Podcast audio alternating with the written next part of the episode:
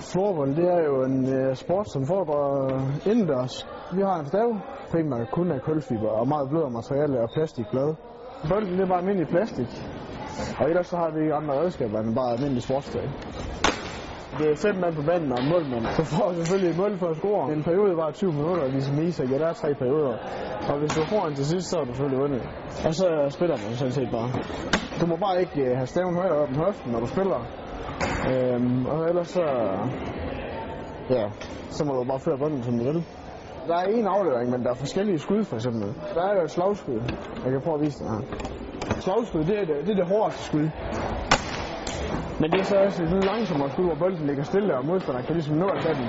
Det bliver mere brugt. Hvis du er lidt mere fri og bare skal lægge bolden ind til målet i stedet for, så er der et håndledskud, hvor du bare nærmest holder, holder staven på jorden og slår til den. Det er det hurtigste skud, man sådan set kan lave. Og det er sådan set også det skud, man bruger, når man skyder direkte på en bold, hvis du får en aflevering ind foran mål.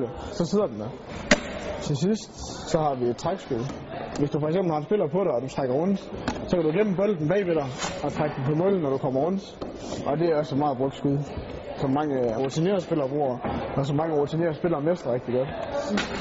Sporten kræver jo også fysisk arbejde. Altså, hvis ikke du kan holde til at løbe, jamen, så kan du heller ikke holde til at så spille floorball. Vi har jo meget øh, konditionstræning og styrketræning, som gør, at vi ligesom kan holde til det tempo, det kører i. Man skal da have muskler på kroppen, eller så, så duer det ikke. Man kan jo have talentet for det og vide, hvad det er, man vil gøre. Og man, altså, det ligger naturligt til en, men altså, man kan jo også øh, træne hårdt, og hvis man går op i sin træning og er koncentreret hver gang man kommer til træning og gerne vil lære noget, jamen, så kommer man også højere op end dem, som ikke vil det.